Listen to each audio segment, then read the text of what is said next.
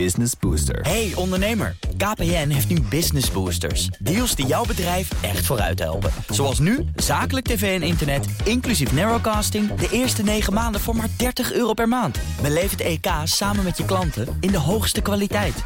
Kijk op kpn.com slash businessbooster. Business Booster.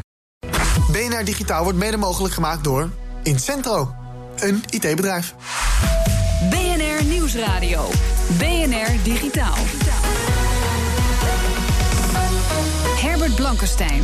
Plastic poppetjes 3D printen, dat kan tegenwoordig iedereen wel. Maar 3D printen met beton, dat is andere koek. Vandaag een speciale aflevering van BNR Digitaal in samenwerking met BNR Bouwmeesters. Over technologie in de bouw. Mijn backup is daarom vandaag Jan Postma, presentator van BNR Bouwmeesters. Welkom Jan. Dankjewel. En we beginnen met het technieuws. Daarvoor is Ivan Verrips binnengekomen met een bouwtintje vandaag. Ja. Bijvoorbeeld in de VS kun je binnenkort in een volledig geautomatiseerd appartement wonen. En dat heet Ori. Dat is een verplaatsbare modulaire unit waar echt alles in zit. Eh, wat krijg je dan? Je krijgt een, eh, een bed natuurlijk, een eh, bureau, wat schuiflades, een kast en opslagruimte. Zit allemaal op een paar vierkante meter. En wat het slimme daarvan is, is dat je het heel erg kan schuiven. Dus als jij zegt, ik heb nu een bed nodig, dan schuif je de kast aan de kant en dan komt je bed tevoorschijn. En als jij vrienden over de vloer krijgt, dan kan je bijvoorbeeld de kast weer even aan de kant Maar je hoeft zetten. niet te duwen, begrijp Precies, ik. je hoeft niet te duwen. Het is allemaal geautomatiseerd door middel van touchpads. En je kan ook de Amazon Alexa gebruiken. Wel een beetje duur nog, 10.000 dollar Oh. eh, voor een paar vierkante meter. Eh, maar als het een succes wordt, kan waarschijnlijk de prijs omlaag. En eh, dat het eh, goed is, dat geloof ik wel, want het is ontworpen door MIT. Dus dan Oh, denk ja. ik wel dat het op zich kwalitatief goed in elkaar zit. Massachusetts, Massachusetts, moeilijk woord, Institute of Technology. Juist. Ja. En er is een pen waarmee je kunt schrijven in een virtuele wereld. Ja, de uitdaging van VR is natuurlijk hoe interacteer je met de omgeving. Want ja, je ziet net als bij AR, hè, bij AR zie je de omgeving, maar bij VR niet. Je kijkt toch in een bril en je ziet niks. Dus ja, hoe kan je daarmee interacteren? Is best lastig. Nou, er is weer een stukje oplossing voor, namelijk Massless, zo heet het ding. Dat is een pen waarmee je in VR kan schrijven. Dus als jij opstaat met die, als jij in, in ruimte staat met die Samsung Gear en je ziet een ruimte om je heen, dan kan je die pen vastpakken en dan kan je op de muren gaan kladden. Eindelijk mag dat gewoon legaal dus. Ehm, handig voor mensen die animaties maken, maar bijvoorbeeld ook voor mensen die in de bouw werken, waar VR dus ook eh, steeds meer wordt gebruikt. Ehm, Ik zag een filmpje, het ziet er wat gek uit. Je ziet iemand man met zo'n bril op en die staat in het niets te tekenen.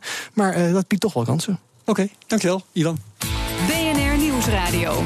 BNR Digitaal.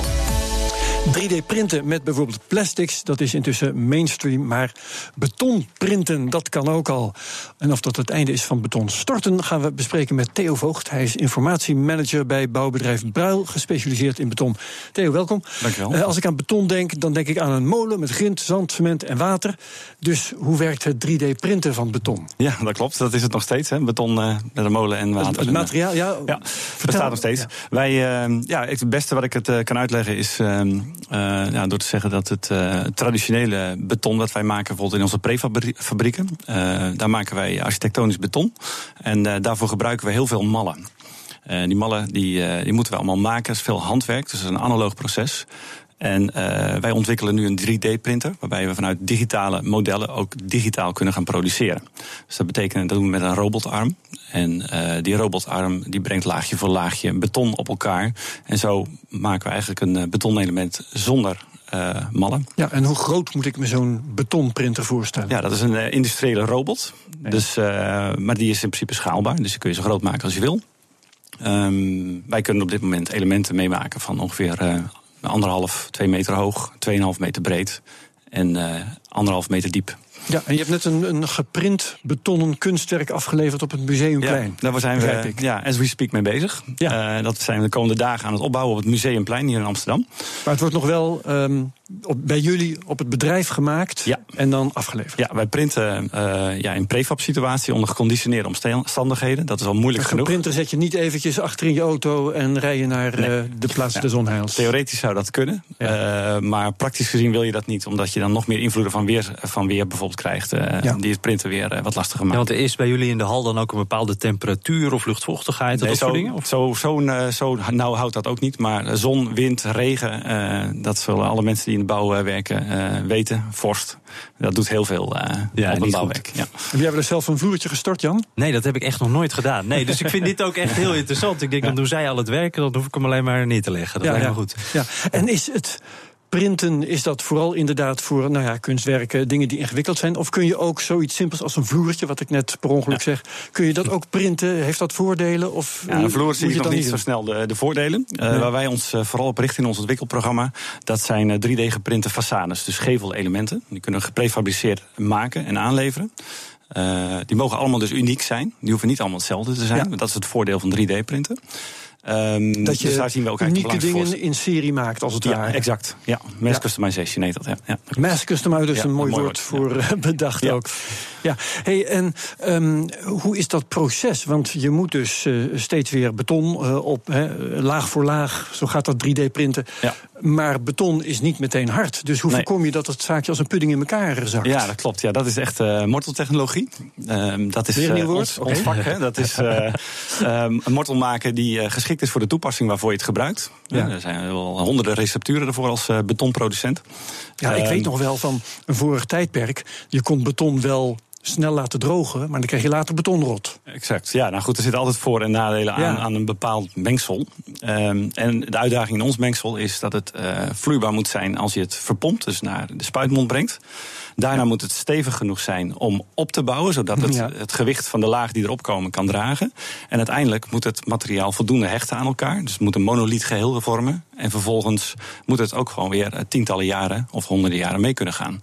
Dus dat zijn nog wel wat specificaties waaraan zo'n eh, printmortel moet voldoen. Ja, Kunnen jullie dan eh, eigenlijk één soort eh, beton maken? Is dat het? Of kan je ook gewoon even een andere eh, samenstelling erin gooien en dan een hele andere eigenschap? Ja, mits het maar aan die voorwaarden voldoet. Ja. Dus eh, dan zou je inderdaad andere mortels kunnen maken met andere eigenschappen voor andere doelstellingen. Bijvoorbeeld ook extra sterk of gewapend? Of... Ja, er zijn, eh, er zijn inderdaad mogelijkheden om. eh, nou, misschien heb je bepaalde specificaties in binnengebruik niet nodig. Nou, dan kun je die weglaten. Of misschien wil je iets eh, wat heel erg eh, vuurbestendig is. En dan zal je daar weer aanpassingen aan moeten maken. Maar dat is allemaal toekomstmuziek. hè? Vertel nou eens wat, eh, wat dat voor kansen biedt aan bouwbedrijven. Ja. Wat kunnen die hiermee nou, wat ze voorheen niet konden, behalve inderdaad ingewikkelde kunstwerken. Ja. Maar Ja. denk eens wat verder. Nou ja, de, de, de, de grootste belofte is eigenlijk ehm, dat ehm, het, het eh, productieproces, het digitale productieproces, dus van file to factory, hè, zoals je dat dan noemt, dat wordt extreem kort. Eh, wij kunnen eh, in twee dagen tijd vanuit een model iets op de bouw aanleveren wat 3D geprint is. Traditioneel hebben we daar twaalf weken voor nodig. Oh. Dus dat zijn enorme verschillen. Ja, Ehm, ja. die, Met behoud eh, van duurzaamheid vraag ik dan maar weer. Met ja, uiteraard. Ja, dat is wel waar, naartoe, waar, naartoe, waar we naartoe streven. Ja, en dat Ja. is, het is allemaal nog heel erg nieuw. En, maar dat zijn uiteraard specificaties waaraan het moet voldoen. Ja. Gewapend beton, kun je dat ook printen? Nou, dat is traditioneel wapen, gewapend beton, zoals we dat kennen. Dat is in principe niet mogelijk. Hè, want je, Nee, dat nee is ik lastig kan me passen. voorstellen, de, hey, st- ik denk dan maar weer aan een kunstwerk. Ja. Eh, je zet de wapening vast neer met alle krullen en bochten die eh, de kunstenaar bedacht heeft. Dan ga je daaromheen dat beton printen. Ja, nou, wapening is een, echt een apart ontwikkelgebied. Eh, en daar zijn ook verschillende eh, initiatieven voor om dat eh, op een slimme manier te doen. Je zou aan vezelversterking kunnen denken. Eh, en wij zijn ook met wat experimenten bezig om te kijken of dat we constructieve elementen daarmee kunnen maken.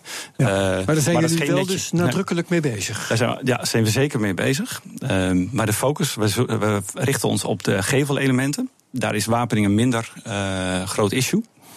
Beton kun je heel erg goed op druk belasten. Dus wat nu de kunst is bij 3D-printen en modelleren...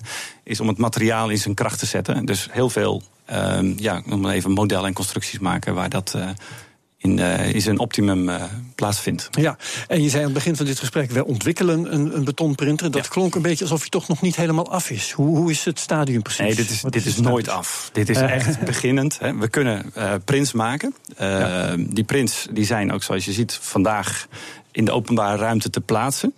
Eh, bouwelementen ervan maken, daar zijn we met verschillende projecten mee bezig om dat te realiseren. Maar dat is echt een ontwikkeltraject.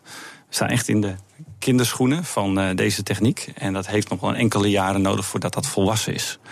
Maar voor de early adapters is het mogelijk en kan je ja, op deze golf meegaan. eh. Is Oké. die bouwwereld, want dat zijn vaak een beetje conservatieve mensen. eh, ze- zijn die er een beetje klaar voor? Sorry, heel kort hoor. Ja, en dan snap ik. Nee, er zijn verschillende bedrijven die dit heel interessant vinden. En die zeggen, wij willen er iets mee. De vormvrijheid die het biedt, die willen die, dat graag gebruiken. En die zijn ook bereid om daar een aantal risico's in te nemen. En zelfs gemeenten doen daarin mee. Dus die eh, Oké, moedigen dat aan. Ja. hartelijk dank. Theo. Voogd van bouwbedrijf Bruil. En we hebben onze mond vol van slimme woningen. Maar wie heeft er nou echt een slim huis met een IQ van boven de 140? Wij hebben er eentje gevonden en dat hoor je zo. BNR. Nieuwsradio. BNR Digitaal. Een slimme deurbel, slimme lampen, een slimme koelkast. Allemaal leuk, maar dat zijn natuurlijk maar amper mensen die echt een slim huis hebben.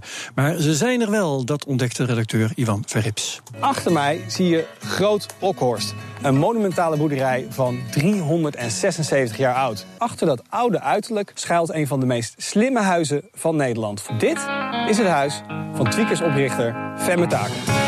Je hoort Wout Funnekotter, hoofdredacteur van Tweakers... en vaste luisteraars zullen hem kennen als backup bij BNR Digitaal. Hij is in het Gelderse Wiegmond in een prachtig huis... vol met sensoren, schakelaars, zenders en ontvangers. Het huis heeft onder andere aanwezigheidsdetectie, vertelt Taken. Uh, om te weten of, uh, of er mensen aanwezig zijn in de ruimte. En op basis daarvan uh, stuur ik de verlichting. Als het donker is, gaat vanzelf licht aan, wordt mooi gedimd. de verwarming en ook het alarmsysteem uiteraard. Dus als we van huis uh, gaan, en dat weet het systeem op basis van geofencing, gaat het alarmsysteem aan. En dan zorgen al die sensoren in huis ervoor dat we ja, weten wanneer er ongewenst bezoek is. Maar de eerste stap van dit slimme huis was de verlichting. Ja, eigenlijk geïnspireerd door uh, restaurants en dergelijke, en clubs en dergelijke, waar kleurverlichting wordt gebruikt. Dus dat wilde ik op grote schaal in huis toepassen. En toen ben ik gaan kijken ja, wat voor technieken ze daarvoor gebruiken. En die ben ik hier in huis gaan toepassen. En ook de verwarming werkt hier anders dan anders. Dus uh, de koppeling met de warmtepomp. Je kan uh, de verwarming blokkeren. Ik heb alle uh, temperaturen en dergelijke. Dus ik weet precies wat het gaat doen. En elk vertrek heeft onafhankelijke regeling. Dus in elke ruimte zijn sensoren die de temperatuur meten. En ventielen die bediend kunnen worden. En op basis van de metingen stuurt hij de ventielen, aan. Het klinkt allemaal perfect, maar er zijn ook nog wel wat dingen te verbeteren. Bijvoorbeeld de home cinema set. En dit is nog een beetje work in progress. Ik kan wel de, versterker al bedienen en de juiste input schakelen, volume en dergelijke. En zorgen dat uh, de Apple TV automatisch aangaat. En de projector die moet nog op de juiste plek opgehangen worden. Dan uh, ga ik ervoor zorgen dat ik via Ethernet ook de projector kan aansturen. Ga zorgen dat die uh, automatisch aangaat. Op een zoldertje zit de technische besturing van dit huis. Stel nou, ik loop in jouw woonkamer, uh, ik druk op een wandschakelaar. Uh, ik heb hier een uh, PLC, dat is een Programmable Logic Controller met heel veel inputs en outputs. En op een van die inputs is de wandschakelaar aangesloten. Als die wordt ingedrukt, komt hier een signaaltje binnen. En ja, op die manier. dat gaat er allemaal schuil achter een dat, ja, dat gebeurt allemaal in, in een fractie van een seconde. Ja. Alle software is door taken zelf geschreven. Ik schrijf gewoon code om dingen voor elkaar te krijgen. Je kunt uh, simpele scriptjes maken voor acties die je bijvoorbeeld eenmalig, een deurbel bijvoorbeeld. En als je functionaliteit wil hergebruiken, is de mogelijkheid om modules te maken. Er zijn ook nog een paar toekomstwensen. Een van mijn wensen is om de uh, MyRobots te integreren in het systeem, zodat ik weet wanneer ze draaien. En ja, bijvoorbeeld ook in huis de, de stofzuigrobot dat hij uh, netjes zijn werk gaat doen als wij van huis gaan. En op zich heb ik die al wel geïntegreerd, maar het probleem zit een beetje bij de autonomie van het apparaat. Dat hij iets te vaak uh, vastloopt op uh, spulletjes die wij in huis laten rondslingeren. Ja. En wil je het Huis van Taken behalve horen ook zien? Een link naar het filmpje van Tweakers vind je op bnr.nl/slash digitaal. BNR Nieuwsradio. Herbert Blankenstein ging het ontwerpen van woningen en andere gebouwen vroeger nog op de tekentafel. Tegenwoordig komt er geen potlood meer aan te pas. Dat komt door BIM en dat staat voor Bouwwerk Informatie Model. Wat het precies is en hoe bouwers hiermee aan de slag kunnen gaan, ga ik bespreken met Wiegert Esbach. Hallo, hij doseert BIM op de Hogeschool Windesheim in Zwolle. En BIMmen is dus zelfs al een vak, Wiegert. Ja, dat klopt. BIMmen is een vak geworden omdat uh, het gaat over informatieverwerking.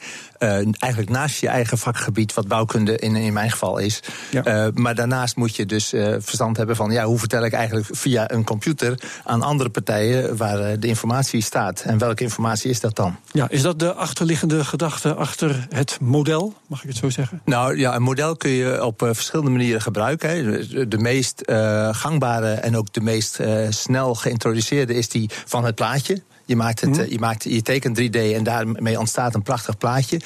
Uh, maar toen kwam al gauw de vraag van ja, als je een model hebt in de computer, waarom hang je dan geen informatie aan allerlei objecten zoals een raam of een wand? En dan vertel je gelijk wat voor materiaal het is en wat voor kleur het heeft. Ja, en dat kun afmetingen je dan, neem ik aan. Ja, afmetingen. Ja, en dat kun je dan vrij snel en eenvoudig overdragen naar een andere partij. En dat reduceert fouten. Ja. Uh, en dat is natuurlijk prettig. En verdwijnt dan het analoge tekenen met een potlood op papier volledig? Dat is wel de tendens. Uh, natuurlijk is papier uh, een heel snel medium. Hè. Je pakt een papier, uh, papier en een pen en je, je, je, schrijft wat op. Alleen het is ook vluchtig.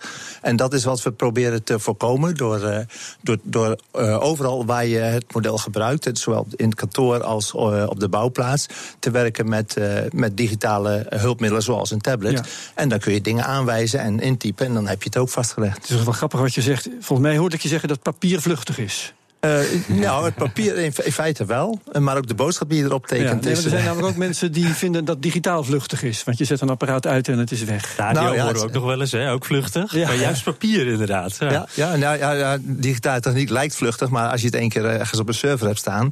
Hm. iedereen kent het uh, fenomeen op internet. Alles wat je daarop zet gaat nooit meer weg. Ja, dus, dat is ook weer waar. Ja. Dat is ook, ja, Oké, okay, dan kun je het verschillend overdenken. Um, maar goed, jij doseert, Bim. Um, kun je nou eens uh, een paar, in een paar voorbeelden bijvoorbeeld uh, zeggen wat jij studenten leert? Um, nou, eigenlijk wat ik studenten leer is dat naast het bouwkundige vakgebied, uh, dus, dus wat, voor, wat, wat, wat voor materialen zijn er en hoe gebruik je die, ga je ook vertellen van en hoe vertel je nou in een andere, uh, in een digitale omgeving aan andere partijen uh, welke informatie dat dan is. En dat, dat is het erin stoppen. Maar natuurlijk uh, moet je het er ook weer uithalen. Dus we leren ze ook in een ander programma uiteraard um, om de informatie er weer uit te halen en te rubriceren. En dan, dan kun je er allerlei leuke dingen mee doen. Nou, wel benieuwd naar ben. Uh, je ziet natuurlijk, denk ik, zult u ook op de opleiding zien... dat de studenten worden steeds uh, technischer. Die kunnen ook steeds meer. Een, een, een iPad heeft iedereen wel, weet iedereen hoe het werkt. Is BIM nou ook iets waar studenten warm voor lopen? Vinden ze dat leuk om te leren? In eerste instantie niet, want, want je moet extra dingen doen. En je moet extra veel dingen doen. De computer is erg onbarmhartig. Hè? Dus als je een computer fouten laat om de, zoeken, dan vindt hij er dus een heleboel. Ja, maar heb jij meer werk. ja, maar aan de andere kant, als je die informatie er één keer in hebt... en je kan mooie lijsten maken en het snel overdragen... en ja, dat is prachtig. En er is, er is, ik moet eerlijk zeggen, een categorie die het geweldig vindt... en een grotere categorie die het ziet als een noodzakelijk kwaad. Maar, maar BIM levert dus wel voordat je werkelijk kunt gaan bouwen, meer werk op. Uh, ja, wat er gebeurt is eigenlijk dat de informatie uh, van achter in het bouwproces naar voren wordt gehaald. Want je kan natuurlijk niet iets in de computer stoppen wat je nog niet weet. Dus op ja. het moment dat je dat in de computer wil stoppen, moet je het al weten. Dat klinkt als een, uh, als een uh, wijsheid, maar het, het, gebeurt natuurlijk in de bouwpraktijk nu nog toch wel vaak dat beslissingen te vaak worden, te laat worden genomen. En dus dan moet het ding hersteld worden. Ja. En dat proberen we juist met BIM naar voren te halen. En dat lijkt meer werk aan de voorkant. Maar aan de achterkant kun je veel nauwkeuriger en beter en ook sneller bouwen. Ja. En hebben jullie in dit vak um, niet dat studenten eigenlijk al veel meer weten dan de docent? Nee, nee, dat is niet zo. Hebben jullie er geen last van? Dat nee, nee, nee, nee. daarvoor, fijn, is het toch, daarvoor is het toch uh, te complex. Ja, ja, ja. Zeg, en um, nog even voor mijn beeld van wat BIM is, hè. Is dat nou software? Of is het bijvoorbeeld een standaard waar software aan moet voldoen? Waar bijvoorbeeld ook Auto, AutoCAD aan kan voldoen? Ja, dat is een lastige vraag, want het, het is natuurlijk eigenlijk een hulpmiddel. Je hebt, je hebt uh, een, een modelleersoftware en daar is het allemaal mee begonnen. En da daar stop je nu informatie in. En ja, dat is eigenlijk een hulpmiddel. Maar het is wel, omdat het zo effectief is en ook uh, ingrijpt op het hele bouwproces. Hè, dus de, de, degene die de informatie erin stopt, dat is vaak de modelleur of de architect. Ja, ja. Maar degene die het gebruikt aan de achterkant, ja, dat is dan de bouwer die moeten allemaal ermee leren werken. Het is een werkwijze. Ja, het is een werkwijze. Ja, ja, ja. Je hebt voor je werk uh, bij Windesheim heb je gewerkt bij architectenbureaus, bij ingenieursbureaus. Hoe ver ja, zijn ze in dat veld?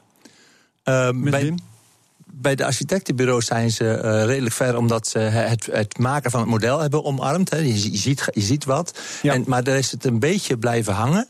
En uh, je ziet nou juist aan de achterkant bij de bouwbedrijven dat die het helemaal op gaan pakken. Want uh, die zien er daar de voordelen van in. Ja, um, en het ideaalbeeld, hè, als alle bouwers, alle betrokken in het, uh, uh, is dat dat iedereen overgaat op BIM. Um, zo snel mogelijk? Of is het een kwestie van geleidelijkheid? Het is een kwestie van geleidelijkheid. En, uh, dat is maar beter ook zeg je eigenlijk? Mm, voor een deel wel. Je moet ermee leren werken, dat sowieso. En dus je moet ja. het ook in kleine stapjes doen. Uh, maar uh, als je niet oppast, kan er een gat ontstaan. En dan, uh, wij merken het op school ook. We, we leveren studenten af. En het ene bedrijf zegt, nou, je had nog veel meer moeten leren. En een ander bedrijf zegt, nou, doe eens normaal. We zijn gewoon aan het bouwen. Dus daar zit nog wel verschil in. Maar dat hangt waarschijnlijk ook af van hoe ver die bedrijven zelf zijn. Dat klopt. Dat, dat verschilt, neem ik aan ook. Hoe groot zijn die verschillen?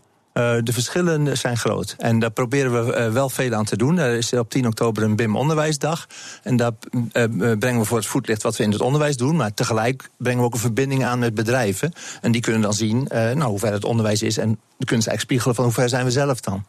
Dus ja. zijn we eigenlijk vergeleken met het buitenland? Doen wij het dan goed met dit soort dingen? Of lopen we daar ook een beetje achter? Wat? Nou, eh, vergeleken met Engeland lopen we achter. Want in Engeland is het uh, door de overheid gestimuleerd en zelfs in wetgeving verankerd. Dat is in Europa niet zo. En als je dan kijkt naar Europa, dan doet Nederland het heel goed. Oké, okay. ja, ja. een beetje koplopertje. Ja, ja, ja, ja, wel, Bestaan daar ranglijsten van? Uh, dat, is, er wordt elk jaar een onderzoek uitgevoerd. Engeland toevallig als, als voorbeeld, maar Duitsland, België vraag ik me Nee, die, die zijn toch minder ver dan Nederland. zijn toch ook landen waarmee je concurreert, hè? Dat is ook ik, zo. In, in grensgebieden vooral. dat klopt. En toch uh, lopen we in West-Europa iets meer voor dan in Oost. Uh, dus eigenlijk de Duitsers lopen ook nog iets achter. Oké, okay, nou ja. dat is heel interessant. Uh, dankjewel, Wiegert Esbach, docent BIM op de Hogeschool ja, Windesheim. En dit was BNR Digitaal voor nu. Jan Postman was mijn backup. Maar we gaan yes. zo direct in dezelfde constellatie eigenlijk verder. Want meer technologie in de bouw komen, komt zo direct aan de orde in BNR Bouwmeesters. Daarin gaat het nog veel uitgebreider over BIM. En deze uitzendingen terugluisteren kan in ieder geval via de BNR-app, bnr.nl slash digitaal, podcast en Spotify wat BNR Digitaal betreft. Graag tot volgende week. BNR Digitaal wordt mede mogelijk gemaakt door Incentro.